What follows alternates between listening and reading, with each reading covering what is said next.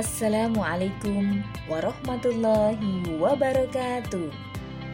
Bagaimana kabarnya sobat Narasi Pos? Kita jumpa kembali dengan podcast Narasi Pos Media. Narasi Pos cerdas dalam literasi media, bijak menangkap peristiwa kunci. Bersama saya Titis Umnas dalam rubrik Opini. Polemik mantan narapidana pedofilia disambut publik oleh Rosmita. Sungguh aneh tapi nyata. Di negeri mayoritas muslim, pelaku kejahatan pedofilia yang baru bebas dari penjara mendapat sambutan yang luar biasa, layaknya orang yang sudah mengharumkan nama bangsa dengan prestasinya. Padahal dia bukan atlet pemenang olimpiade yang mendapat medali emas bukan pula pahlawan yang baru pulang dari medan perang. Justru dia adalah seorang penjahat yang kejahatannya telah merusak masa depan generasi bangsa ini. Sebut saja SJ, seorang penyanyi dangdut berusia 41 tahun yang resmi bebas dari lapas Cipinang pada Kamis 2 September 2021. Adapun kasus yang menyebabkan SC di penjara adalah pelecehan seksual terhadap seorang remaja laki-laki berusia 17 tahun berinisial DS. SC terbukti bersalah dan dijatuhi hukuman 5 tahun penjara. Namun, ketika SC bebas, malah disambut Pak Raja dan mendapat kalungan bunga. Tidak hanya itu, bahkan wajahnya kembali warawiri di layar kaca dan channel YouTube.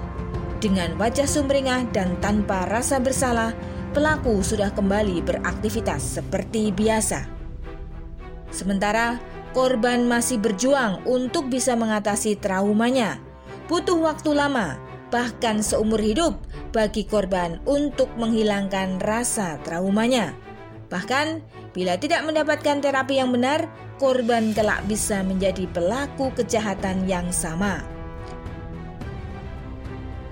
Hal inilah yang membuat banyak orang geram hingga muncul petisi berisi ajakan untuk memboikot SC yang ditujukan kepada Komisi Penyiaran Indonesia KPI. Bahkan, petisi ini telah ditandatangani oleh 268,204 ribu orang secara online kompas.com 6 September 2021. KPI sebagai pihak yang berwenang mengatur penyelenggaraan penyiaran di tanah air justru seolah membiarkan mantan narapidana kasus kekerasan seksual kembali eksis di televisi. Bahkan, kalangan mempertanyakan kinerja KPI hingga muncul kritikan pedas. Salah satunya datang dari Ernest Perkasa melalui Instagramnya Minggu 5 September 2021. Mantan narapidana pelecehan seksual di bawah umur disambut bagai pahlawan di televisi. Ke mana KPI? Mengapa KPI begitu lunak terhadap pelaku kekerasan seksual? Bahkan saat seorang pegawai KPI yang menjadi korban pelecehan seksual oleh tujuh orang pegawai lainnya melapor ke kantor KPI, pelaku hanya dipindahkan divisi kerja tanpa mendapat hukuman. Kasus ini baru diproses justru setelah muncul desakan kuat dari publik. Republika.co.id 2 September 2021 Kekerasan seksual akan terus menjadi wabah yang menjijikkan di negeri ini selama sistem yang diterapkan adalah sistem sekuler yang memisahkan agama dari kehidupan. Kebebasan berpendapat dan berperilaku menjadi asas dalam kehidupan sekuler, menyebabkan manusia bebas melakukan penyimpangan. Bahkan, pelaku penyimpangan dilindungi dengan dalih hak asasi manusia. Meskipun hal tersebut bertentangan dengan agama dan fitrah manusia, Contohnya adalah perilaku homoseksual. Islam jelas melarang perbuatan ini.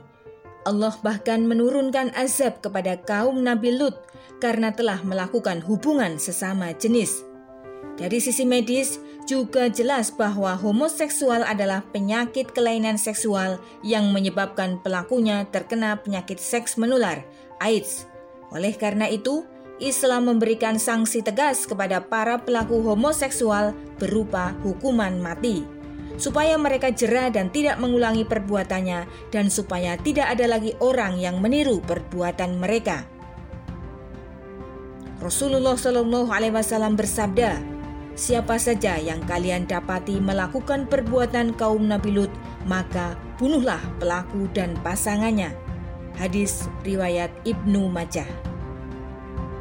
Selain memberi sanksi tegas kepada para pelaku, negara Islam juga berperan membina ketakwaan individu sehingga muncul kesadaran untuk taat kepada syariat Islam dan menjauhkan diri dari perbuatan maksiat. Negara juga wajib melindungi akidah umat dengan melarang penyebar luasan opini LGBT melalui media. Berbeda dengan keadaan saat ini, di mana negara terkesan abai dengan rakyatnya, masyarakat dibiarkan melakukan berbagai penyimpangan, termasuk penyimpangan seksual. Acara-acara yang berbau LGBT dibiarkan bebas tayang. Para pelaku kejahatan seksual tidak diberikan hukuman yang setimpal, sehingga mereka tidak jerah dan kerap mengulangi perbuatannya. Bila hal ini terus dibiarkan, generasi bangsa ini ke depannya akan mengalami kerusakan moral tidak ada lagi generasi gemilang, malah azab Allah yang datang. Maka, tidak ada cara lain jika ingin menyelamatkan generasi dari perilaku LGBT adalah dengan menerapkan syariat Islam secara kafah. Wallahu a'lam.